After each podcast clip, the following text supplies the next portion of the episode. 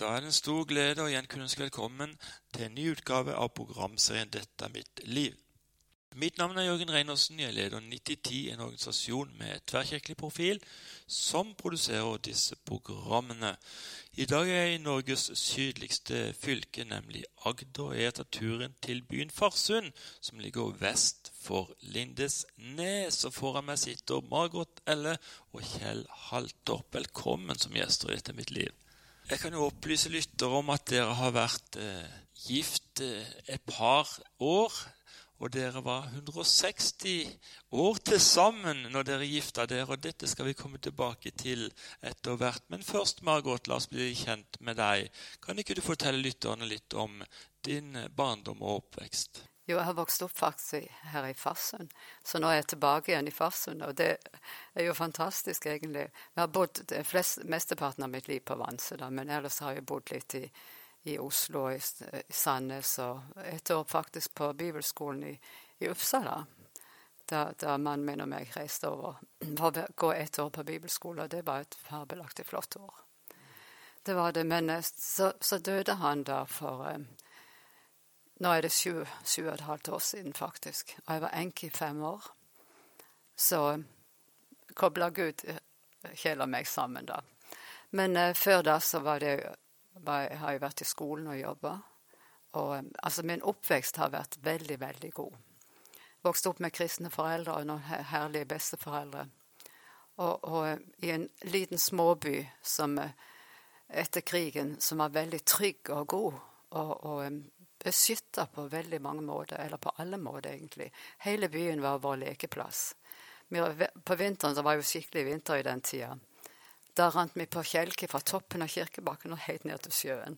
Og det var alle ungene i byen. Og vet du, alle ungene i byen, så å si, altså i gåseøyne, gikk på to søndagsskoler. Først på bedehus klokka ti, og så på søndagsskolen på Frelsesarmeen klokka elleve. Og det var det vi gjorde, liksom. Og så var vi jo på skolen hver dag, til og med lørdagen. Og, og, kristendom, eller religion som vi kalte det for da, var jo første prioritet, liksom. Første time nesten hver eneste skoledag. Og der vi sto med, med pulten og sang en salme eller en sang, og så, og så avslutta vi på samme måten, reiste oss og sto med pulten og ba Fader vår før vi gikk hjem. Så det var sånn en trygg oppvekst. Og, og det med kristendom det med å være kristen, det var, liksom, det, var, det var, helt naturlig. Det var bare sånn vi var. Alle gikk i kirka, vet du, eller på bedehuset. De, ikke alle, da, men veldig, veldig mange. Så det var en gudsfrykt som lå over hele byen. Og, og, og det, det sitter igjen. altså Jeg er så takknemlig for den gudsfrykten som jeg fikk oppleve i Den lutherske kirke. For da var Gud hellig. Så, så jeg har fått en veldig god bakgrunn, kan du si. Så jeg kan ikke si en, akkurat dag og, og, år når jeg ble frelst, for jeg bare vokste inn i det. Eller, det, det har bare vært sånn fra jeg var liten. Men eh, det kom til et punkt da jeg var ca. 40 år. Da kom den karismatiske vekkelsen, og da eh, ble det en kolossal lengsel etter det må jeg få oppleve. Jeg leste om det som skjedde i Amerika og rundt, vet du, når og, og, det var flere av, av våre misjonærvenner som opplevde den karismatiske vekkelsen og ble anstøpt. Vi kalte det for fornyelse. Så, men jeg fikk tungetalen. Og så var det disse gavene. Jeg tenkte jeg, å, bare noen ville be for meg, så jeg kunne få det òg. Så eh, nede i Kamerun og i Japan var det misjonærer som ble anstøpt. Og så var vi altså rett og slett i en begravelse kusine av mannen min som døde, hun var bare 40 år. Men før hun døde Hun hadde vært misjonær i Kamerun og blitt åndsdøpt. Før hun døde, så hadde hun starta opp ei bønnegruppe i kirka der hun hjemme. Og, så fortalte faren om dette her i begravelsen. Så tenkte jeg, gikk det rett inn i meg. Det skal jeg jo gjøre. Starte ei bønnegruppe i Vanse kirke. Og det gjorde jeg. Jeg søkte menighetsrådet og fikk begynne, og det holdt vi på i ti år. Og det ble vekkelse i kirka, faktisk. Først det var Minus var den første som kom, og neste, neste år var det Arne og Egil, og så ble det vekkelse. Og det var veldig mange ble frelst da.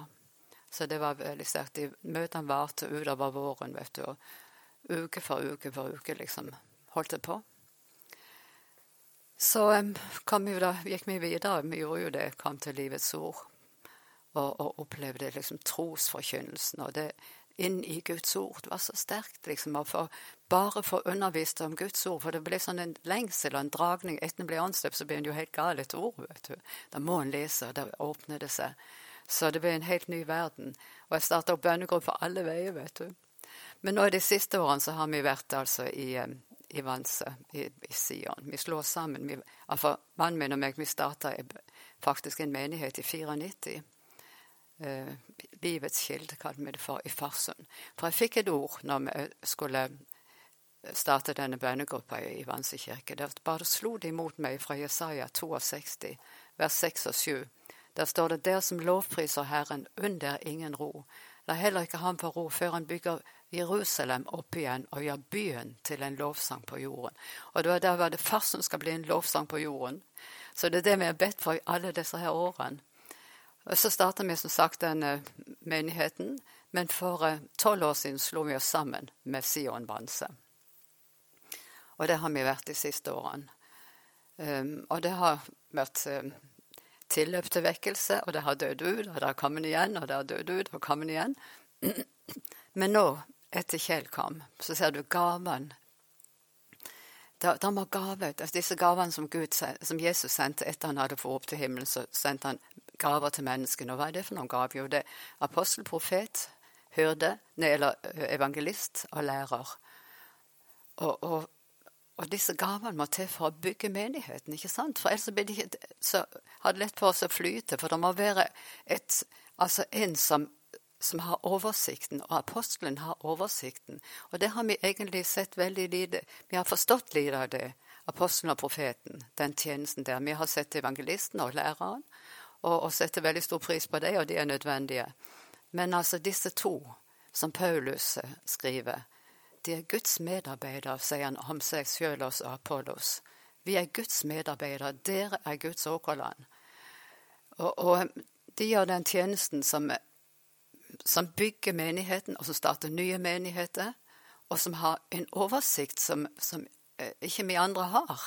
Og det er, det er, ikke noe galt med noen av oss andre, men vi har så forskjellige gaver. ikke sant?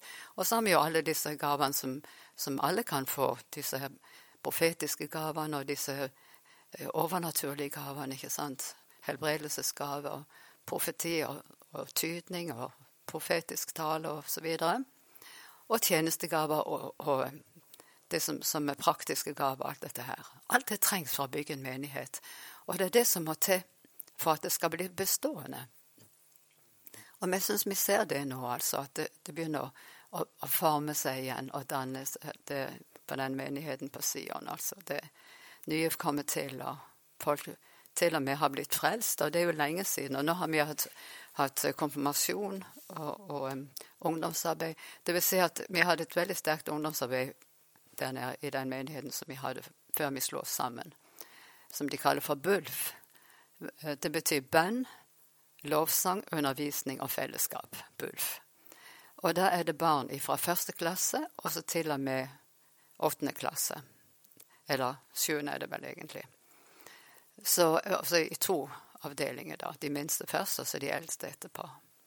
Så det, har, det er masse barn som kommer der, så det er jo nydelig. Og nå, nå i adventstida så har, så har, de hatt et lite kor, da, disse minste, som synger og som tenner lys. Og, og, og så kommer foreldrene òg, da. Så selv om de er frelst, eller hva de er, eller om de ikke er frelst, så kommer de for å høre på ungene sine. Og det, det er programserien 'Dette er mitt liv' som er på lufta. I dag sitter jeg Jørgen Reinersen i hjemmet til Margot Elle og Kjell Haltorp i Farsund. Og det er ganske så langt syd i Norge. Margot og Kjell var 160 år til sammen når de gifta seg. Og dette skal vi komme tilbake til etter hvert. Men først, eh, Kjell, må vi få høre litt fra din barndom. Ja, jeg er vokst opp på Fåberg det er i Lillehammer kommune i dag. Og eh, jeg eh, fikk oppleve en, en, også en god og, og, trygg barndom. Jeg er enebarn da, og bortskjemt, så det, det, det, er jo den siden. Men min mor og far tok jo godt vare på den unge gutten. Og min far hadde en leiegård, og så der var det jo faktisk de som var i min alder, jeg husker det var bl.a. to jenter som var i min alder. Så eh, når jeg følte meg litt ensom, da, så hadde jeg noen lekekamerater, og det var jo på skolen også. Så jeg vokste opp og ble, var interessert i, i idrett, fotball. Når du har vokst opp på Lillehammer-området, så er du født med ski på beina. Var, Her nede er det jo mer danske tilstander når du kommer nedover. er helt i Sørlandet, Farsund. Jeg snakka med, med, noen i går, faktisk. Det var en dame, tror jeg. Hun hadde aldri gått på ski. Kan du tenke Så det var Ja, ja det, var, det var veldig uvant for meg. Så det var Men slik er det. Så gjennom det, da, så Min mor og far var, eh, hadde sin gudsfrykt, men var, jeg vokste ikke opp i noe, noe, noe, levende kristent hjem. Det gjorde jeg ikke. Men uh, den tiden gikk det jo på søndagsskolen, så det, jeg, hadde du, Da fikk du lagt inn det at du har tro på Gud og Jesus. Men når jeg vokste opp, da, så, så begynte Gud å kalle på det. Men jeg, jeg hadde ikke peiling på hvordan jeg skulle bli født på ny. Den viktigste kunnskapen i universet som jeg sier, det er å vite hvordan man blir frelst, født på ny. Man kan jo ikke arbeide seg til det og ikke betale seg til det. Og ikke oppdras til det. Men du må være født for å leve. Og eh, Gud jobba jo med meg i den tiden og gikk på skolen. og Først gikk jeg på, på skole i, på Jørstadmoen. Det er en militærleir der, men det var, folkeskolen ble jo lagt dit. Og så da når du kom oppover, så ble det at jeg gikk på skole i Lillehammer. I fem-seks år var det vel at jeg var på skole der. Og tiden gikk, og, og eh, gikk på befalsskolen, og, og, gjennom alt dette her så virka Gud, men jeg, jeg, klarte ikke å finne, finne, finne frem. altså, Det gjorde jeg ikke. Så da jeg var, når jeg var 22 år, så, så gifta jeg meg, og så var det jo det at vi, vi fant ut at en, en, det sto Vi reiste til Lillehammer på kinoen på, på, søndag kveld. Det var jo ikke TV-tider. Jeg er jo født i 1880-åra, som jeg spøkefullt sier. men, men eh, TV, det, TV, var det ikke. Men uh, vi gikk på kino på søndagen. Det var fast, fast takst. På, og, men så sier Liv det at uh, det står 'hjertelig velkommen' på et møte her, sier hun. Så jeg vet ikke hvordan det hadde kommet opp, men, men, eh, men mor til Liv var en aktiv kristen. Så ble vi at vi gikk på søndag, og så viste det seg at vi har kommet på eh, en menighet som het Evangeliesalen, som var en pinsemenighet. Jeg visste vel ikke så veldig mye om noen ting av disse tingene, men der merka jeg noe, og eh, at den, det var noe som, som, som tok tak igjen. Også det, eh, og pinsevennene de er jo frimodige, og det skal vi jo være. Så til slutt altså, sa pastoren at vi skulle bøye kne. Og eh, så ble det det at Liv og jeg også bøyde kne. Og da kom jo pastoren bort, og han så jo det at det var fremmede som var der. Så spurte om vi var tilreisende. Nei, vi var ikke det. Spurte om vi var kristne. Nei, vi var heller ikke det. Så spurte om vi ville bli det. Ja, sa vi. og da var jeg nesten overmoden, så jeg er veldig takknemlig for at, eh, at jeg var noen som kunne lede meg til Jesus. Eh, så det, det, var jo ikke noen sånn kraftig opplevelse, men jeg, Gud hjalp meg til å ta et, et valg. Jeg levde jo et ganske greit liv. Jeg eh, ikke røkte og ikke drakk og ikke banna jeg og betalte min skatt og jobba. Jeg hadde, Gud ga meg en grei og fin, bra stilling på, i Lillehammer etter hvert. Så, så, det var situasjonen utvendig. Men eh, etter hvert som Gud døpte med Den hellige ånd, så, var, så, så man jo det at synd er jo først og fremst egoisme og håmod. Når Gud begynte å komme inn i livet mitt og lyse inne, så, så, så han at du verden for Guds nåde å få tilgivelse og godhet. Så den søndagskvelden for over 60 år tilbake, 61 år er det vel nå, eh, ble det, begynte forandringen i livet. Jeg husker jo godt det når jeg gikk på jobben på mandag, så hørte jeg djevelens stemme for første gang og sa 'Dette klarer du ikke'. Og det er jo klart, det, det, For å si det sånn, det hadde han rett i, og jeg skulle jo ikke klare det heller sjøl. Men det å bli født på ny, det er jo nettopp dette at Den hellige ånd blir født inn i vår ånd, den nye skapningen. Og gjennom det da, så er det det nye livet som gir kraft. Eh, djevelen er opphav til all religion. Kristenliv er, har relasjon til en levende person, Jesus Kristus. Vi har mye formler og tanker, men gjennom det at vi får oppleve Den hellige ånd og begynner å lese Guds ord For Bibelen er trafikkboka. Det, der har vi trafikkreglene. Og hvorfor har vi de der? Jo, for han ønsker oss alt godt, at vi skal holde oss på veien. Og da sier Jesus, 'Jeg er veien, sannheten og livet'. Man må kunne trafikkregler for å holde seg på veien. Og, eh, det, og, og, Gud er en god Gud. Djevelen er en vond djevel. Og vi ser i naturen lys, mørke, natt og dag. Og så har vi fri vilje til å velge alle sammen. Så kristenliv er ikke religion blant religioner, selv om det går under det. Så er det en ny skapning, et nytt liv, å ha fellesskap med en god far som elsker oss. Og det begynte jeg da å få, få, uh, få tak i etter hvert, når jeg, når jeg, vokste til. Og så kom det da at Gud åpenbarte seg for meg og ga meg et kall til å forkynne. Så da ble det at eh, etter jeg hadde vært en kristen en par år jeg begynte jo, det, det, som, det som, begynte å sterkt å forandre livet mitt, at jeg begynte å lese Bibelen hver dag. Lærte meg bibelord utenat. Og det var jo tider Gud eh, påpekte at eh, nå må du konsentrere deg om Guds ord, familien din. Og, og, så var det det at jeg fikk del i menighetslivet i pinsemenigheten på Lillehammer. Det ble meg til stor styrke. Og den store forandringen skjedde i livet mitt når jeg ble døpt i Den hellige ånd. Og det er å bli døpt i Guds kjærlighet.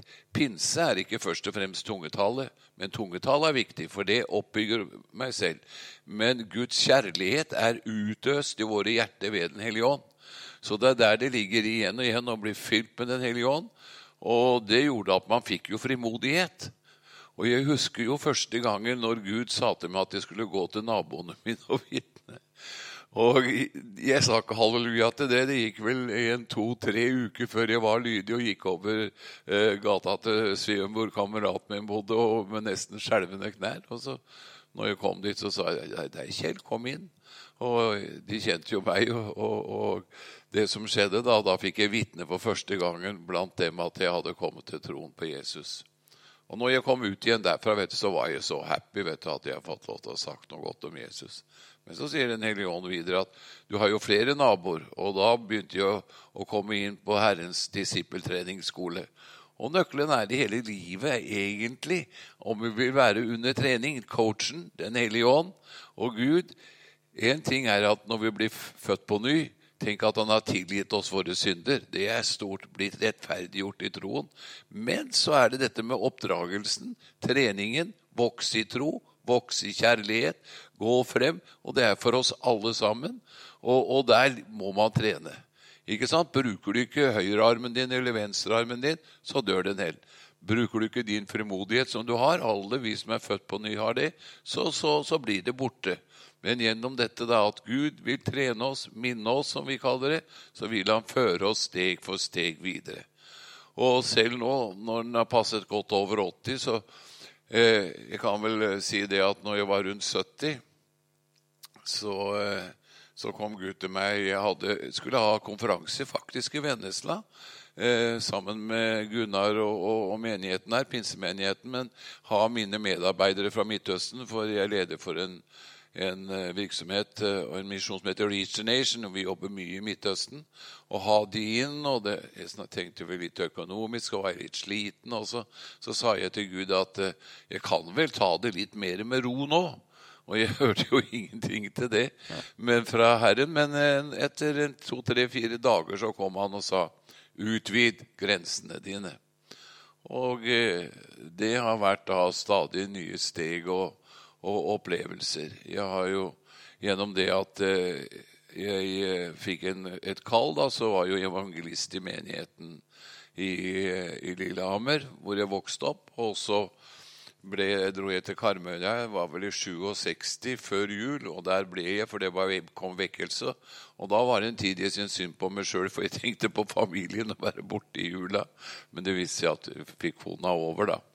Og så videre. Så gjennom det så kom jeg til Philadelphia i Oslo og kallet tilbake igjen til Lillehammer som pastor i min egen hjemmenighet.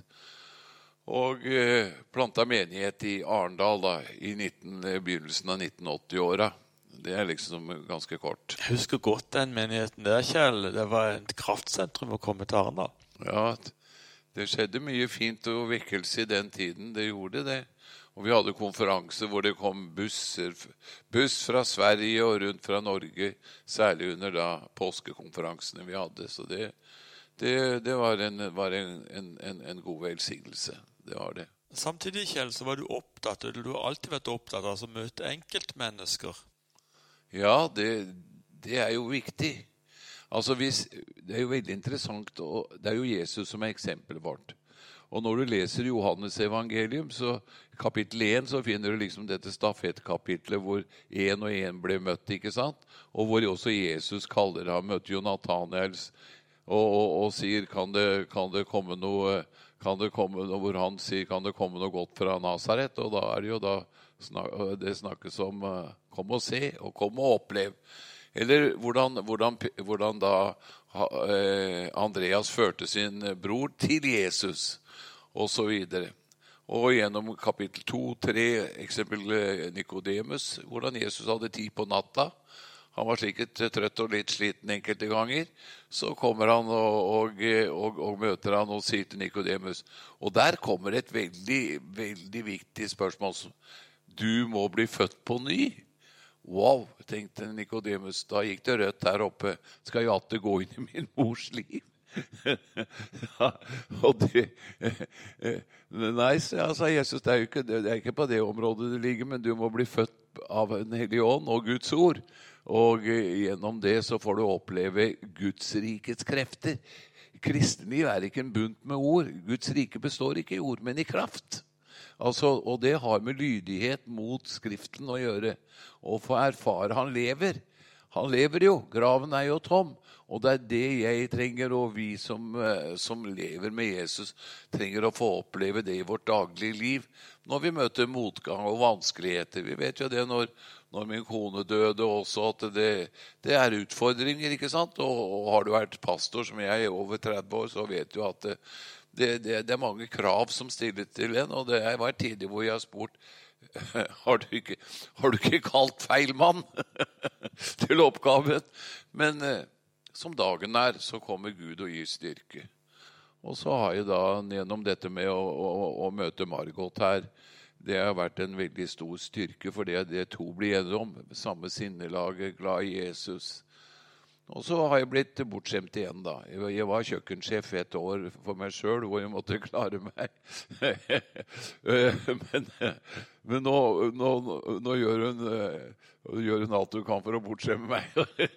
Vi skal straks komme tilbake litt eh, til den storyen der. Men i en omtale av boka di eh, 'Et liv i misjonstjeneste' så står det med sitt smil og en bok som forteller deg veien til Gud er han uten sidestykke, altså Kjell Haltorp, den mest effektive evangelist på tomannshånd Kristen-Norge har sett siden Hans Nilsen Hauge. Og, eh, kan ikke du fortelle et par eksempler hvordan du har møtt mennesker på gata eller på en flyplass eller hvor det måtte være, som har gjort stort inntrykk på deg? Ja, det er, det er, jo bare Guds nåde den hele vei. Det skjer jo ofte hver dag. Mange ganger hvis du er ute, så møter du folk. Du innvier deg til Gud hver dag. Og det handler om å kommunisere. Men eh, nå, kan jo nevne Jeg, jeg er mye ute og flyr, blant annet. Eh, kan ta dette eksempelet som bare kommer opp nå. Det var, eh, det var på Schiphol, altså hoved, hovedflyplassen i, på, i Holland. hvor Når jeg skulle til Midtøsten og jobber der, så gikk det fly til Damaskus, gikk fly til Amman, ikke sant? gikk fly til Beirut. vi... Og så uh, kom jeg gjennom, uh, gjennom uh, og skulle gjennom tollen der. Og det var ikke noe særlig folk, for det der pleier å være mye folk også. Så var det tre politimenn som satt etter hverandre. Men så viste jeg fram passet mitt, og så bare enkelt spurte jeg han som vi pleier å gjøre, om han trodde litt på Jesus på engelsk. Do you believe in Jesus? Han så opp til meg, politimannen, så sa han, jeg ber aftenbønnen min, sa jeg. Og da har jeg alltid eh, bøker med meg. Og eh, litteratur er jo så viktig. Til og med Luther sa jo det at vi må kaste trykksverte på djevelen. Og han kaster jo veldig mye trykksverte på oss, da. Men da fikk han litt trykksverte, og det var Johannes 1,12 ga han boka. Kan ikke du lese hva som står i Johannes 1,12, sa jeg. Ja, så leste han det. Og så spør jeg, når du tar imot Jesus, hva blir du da? Jo, da blir jeg et Guds barn, sa han. Vil du bli det, sa jeg. Ja, det vil jeg, sa han. Han var helt moden og hadde sikkert noen som ba for seg. Men så var, de, så var, jeg på vei til å be for han. Men så var det disse to andre som fulgte veldig godt med. Og så stoppa han og spurte den andre politimannen vil du også bli et Guds barn. Ja, sa han. Ja, hvordan er det med deg, da, du tredjemann? Vil du også bli Guds barn, sa jeg. Ja, sa han. Og da hadde, ba disse frelsesbønnene sammen. Det ble jo et herlig vekkelsesmøte der med Guds nærvær og Guds godhet. Vet Du, så det, du, du, kan ha vekkelsesmøte hver dag. det vil Si at Den hellige ånd er jo den som er, er sjelevinneren. Det er han som overbeviser om synd, dom og rettferdighet og Guds godhet. Det er en, en, en situasjon. Eller når du sitter i fly, f.eks. Eh, det er ikke så lenge siden jeg var opp til Molde. Vel, eller Ålesund, tror jeg det var. Og så eh, sitter jeg i midtsetet og så er det jo slik at jeg har jo høretelefoner på når jeg bare sitter der og ber litt. Og så, når den på vei til å lande, da, så, så tar det jo av seg høresettet. Og så bare har jeg klar boka til han der ene ved siden av. Og han var høflig, bare sa ja takk, og jeg gjorde ikke mer med det. Men så var det han ved, ved vinduet, for han var så veldig pent dressa, og, og jeg ville jo bare snakke med han. Jo, han var fotballdommer. Og han skulle sikkert være hoppe til Molde og, og, være med da, i Jeg vet ikke om det var eh, Ålesund eller Molde. eller skulle si. Men han åpna hjertet, så, så bruker jeg samme metodene. Kan ikke du lese hva som står i Johannes 1,12c? Så leser han den, og så spør jeg han. Har, du, tror du at Jesus er Guds sønn? Ja. Og så spør jeg tror du at eh, Jesus kan ta imot deg nå. Ja, sa han. Og så ba vi frelsesbønnen der. Bare ganske enkelt. Takk skal du ha, sa han. Sikkert også et bønnebarn. Det er tusenvis som er kalt av Gud. På, på Vennesla, Kristiansand, Farsund er mennesker. Men, men, men, de må tro at de må gjøre så mye. Jeg er ikke bra nok. Jeg er ikke god nok. Det er ingen av oss som er gode nok. Det er ingen av oss som er bra nok. Og, og budskapet handler om det at så Gud har Gud elsket meg og deg. Og tenk å få lov til å være med og, og, og tjene Jesus i, i, i, denne tid. Og eksempel Gardermoen er jo en fiskeplass uten like. Ikke det at man løper rundt, men bare det. Altså Det er jo klart det, Ved bruken av sine sanser så oppøver man en, en kjenselighet.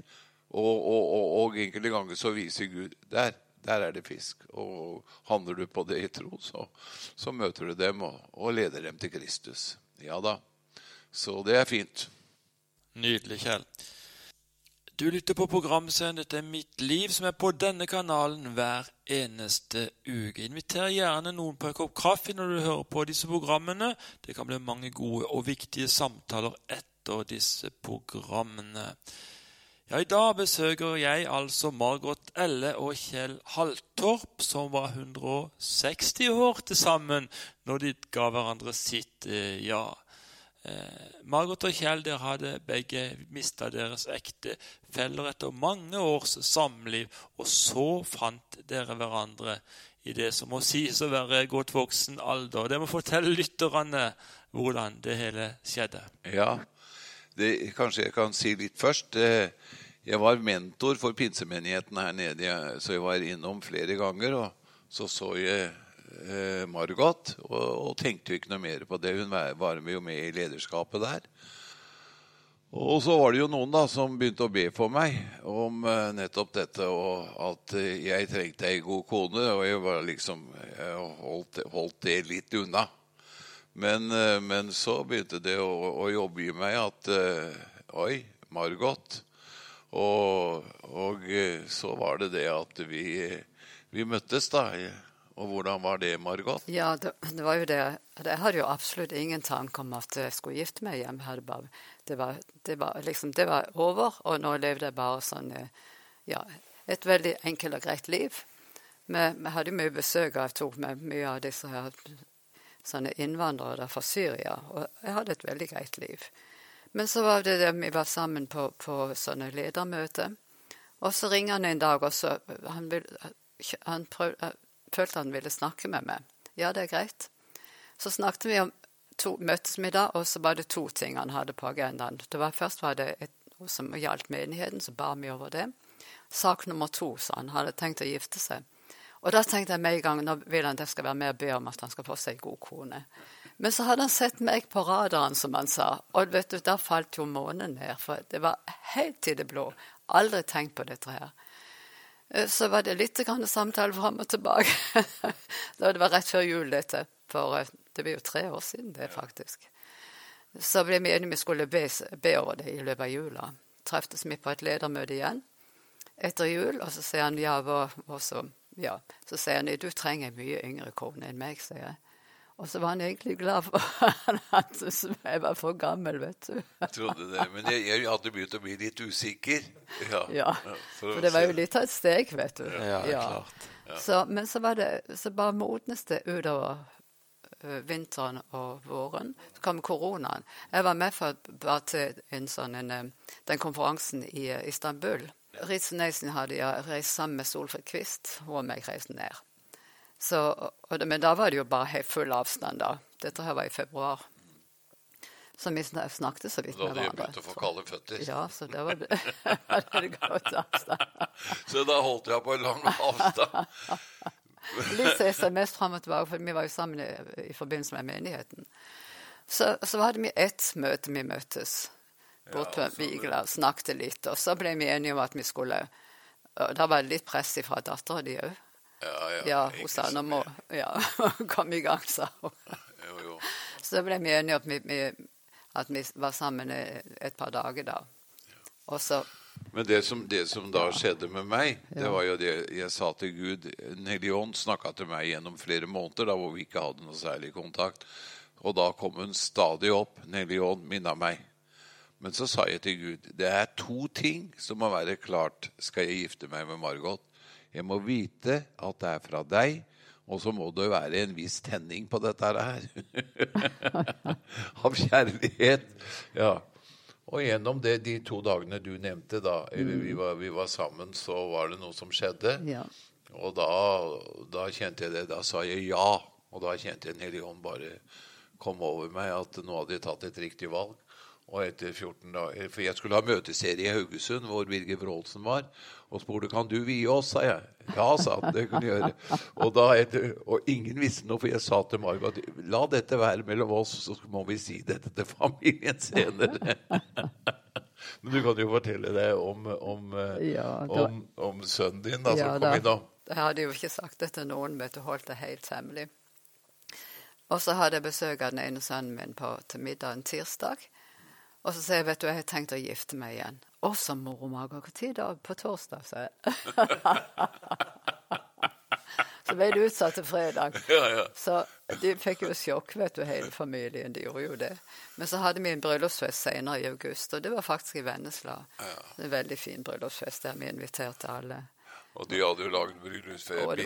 Ja, Birger har gjort det så fint der oppe. Så, så det, ble, bare, det, ble, det, ble, det, ble, et vekkelsesmøte, ja, faktisk. Ja, det var fantastisk. Det, var, det var en, en, sanksjon også fra det vi gjorde. Ja. ja ved Guds godhet og nåde. Mm. Ja. Og så har det vært Nå er det akkurat som vi skulle vært gift i 50 år. Ja. Så for det alt klaffer. ja da. Det er mye, mye Nøkkelen er jo dette at vi vil bygge menighet. Ja. Og, og, være glad i Jesus. Det er jo det som er hovedprogrammet. Å være ja. glad i Jesus. Ja, og så fullføre løpet. For ja. vi alle har vi et løp som, det, som, er lagt foran oss. Og vi skal fullføre dette løpet. Og nå har vi styr, litt styrkevær igjen. ikke sant? Det, og, og, så den siste tida vår skal være bare at vi bare fullfører løpet, bevarer troen, og så griper vi håpet som ligger foran seierskransen. ikke sant?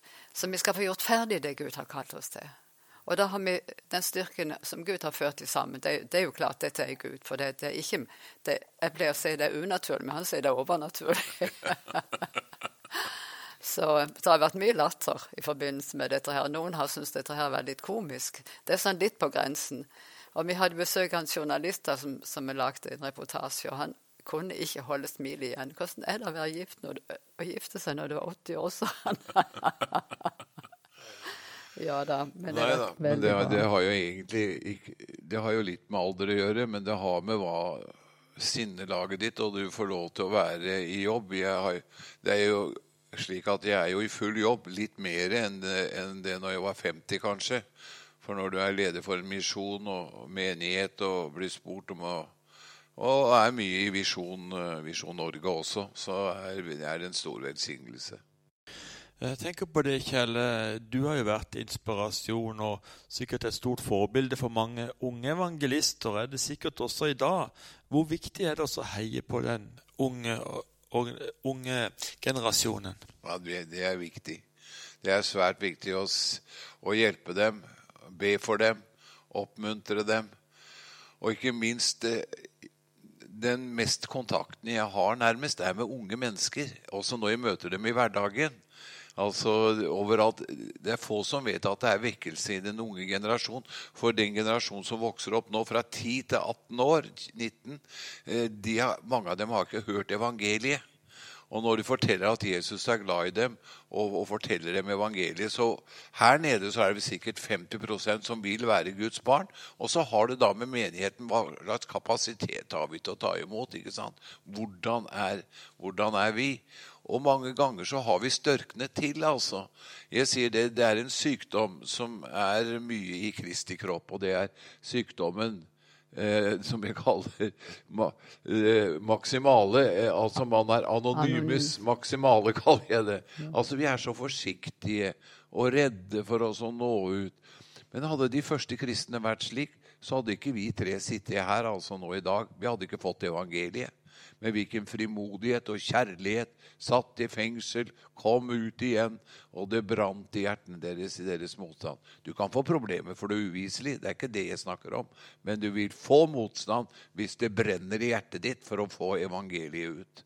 Og det må vi ha, den unge generasjon. Men han trenger manndom og alderdommen at Gud fyller oss på nytt med sin ånd. Om jeg fylte bensin på bilen min for en måned siden, vet du, så har det jo stått i, i veikanten borte her. For hvis jeg ikke passer på å fylle på tanken igjen og igjen. Og det blir atter fylt av Den hellige ånd, står det. Og talte Guds ord med frimodighet. Og nettopp dette også å be for hverandre, det er jo så bra at vi kan få lov til å Vi, vi, oss, vi ber sammen hver dag. Vi har jo vår avdeling hver hvor vi ber. Men vi går til nadvær, som er viktig. Det er, det er en sånn viktig del. De første kristne gikk til nadvær hver eneste dag. Daglig brød til brødet i hjemmene, leser apostelen gjerningene 2.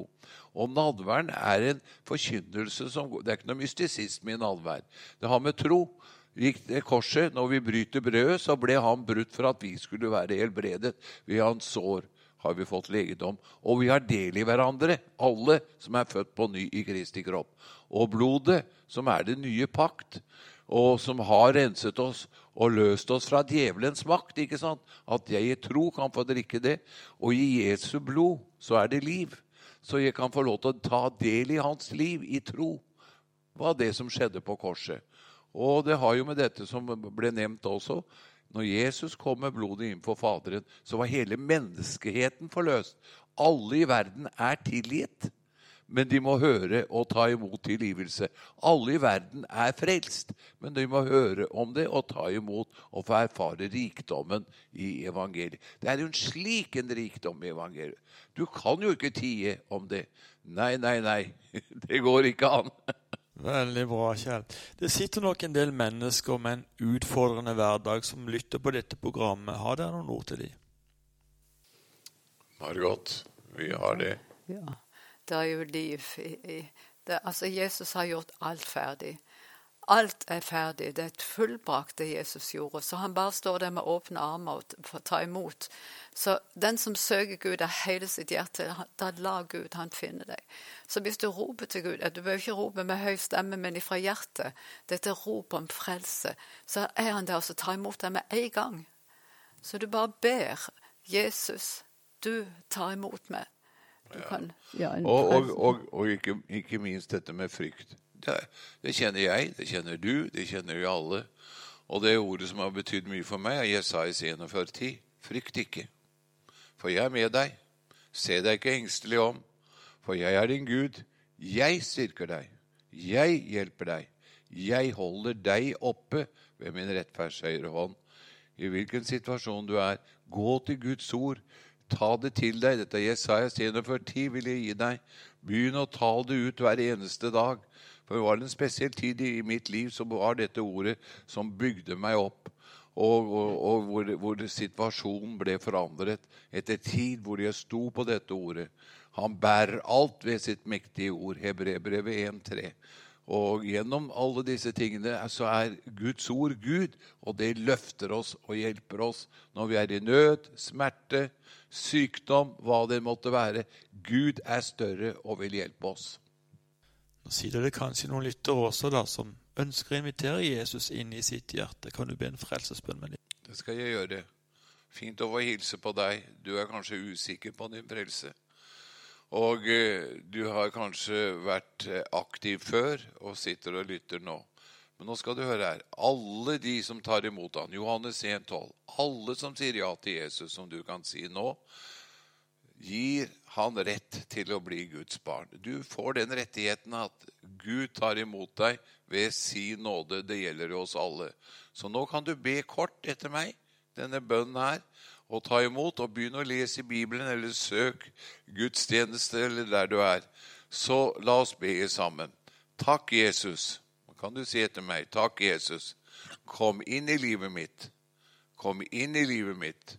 Jeg tror, jeg tror, fra i dag av, fra i dag av, at jeg er et Guds barn, at jeg er et Guds barn. Du har tilgitt meg, du har tilgitt meg alle mine synder. Du har renset meg i ditt blod, du har renset i mitt blod, og jeg er født på ny. Amen. Født på ny. Amen. Margot, vil du også be en bønn for lytterne? Ja, jeg ber for de som, som er, er, usikre, og som, som er, vakler litt i troen. Bare takke deg, Fader, for du vil komme med din ånd. Og kom over disse menneskene og gjør de trygge, bare da de får sett at de er kjøpt og betalt og fridd ut ifra mørkets makt. For ikke med sølv eller gull, men med ditt kostbare blod har du betalt og kjøpt de fri fra den dårlige ferd som var arvet fra fedrene, Herre. Bare takke deg, Fader, for de skal få kjenne at de er blodkjøpt, Herre. Fri fra vondskap, fri fra den onde. Fader, du er Gud over alle guder. Jeg ber, Herre, at du bare berører et Å, Herre, disse som, som nå er plaga i kroppen, Jesus. Det er mange som er plaga i kroppen sin. Et høyre skulder som er, som er verk og verke. Herre, du kommer med din kraft, Herre, og berører denne skuldra. Takke deg, Jesus. Takk, Herre. Takk for ved dine sår har vi fått legedom. Du som tilgir all vår skyld og leger alle våre sykdommer. Vi priser deg, Herre. Takk skal du ha, Jesus. Og ta imot legedom for ditt hjerteproblem som du har hatt. I Jesu navn. La helbredelse gå inn i disse hjerteklaffene og det hjertet som er urolig. Amen. Amen. Amen. Takk, Herre. Margot Elle og Kjell Haltorp, hjertelig takk skal dere ha, for dere har delt så mye godt med oss i dagens program. Må Gud rikelig velsigne dere, deres familie og deres tjeneste i årene fremover. Tusen takk. Takk skal du ha.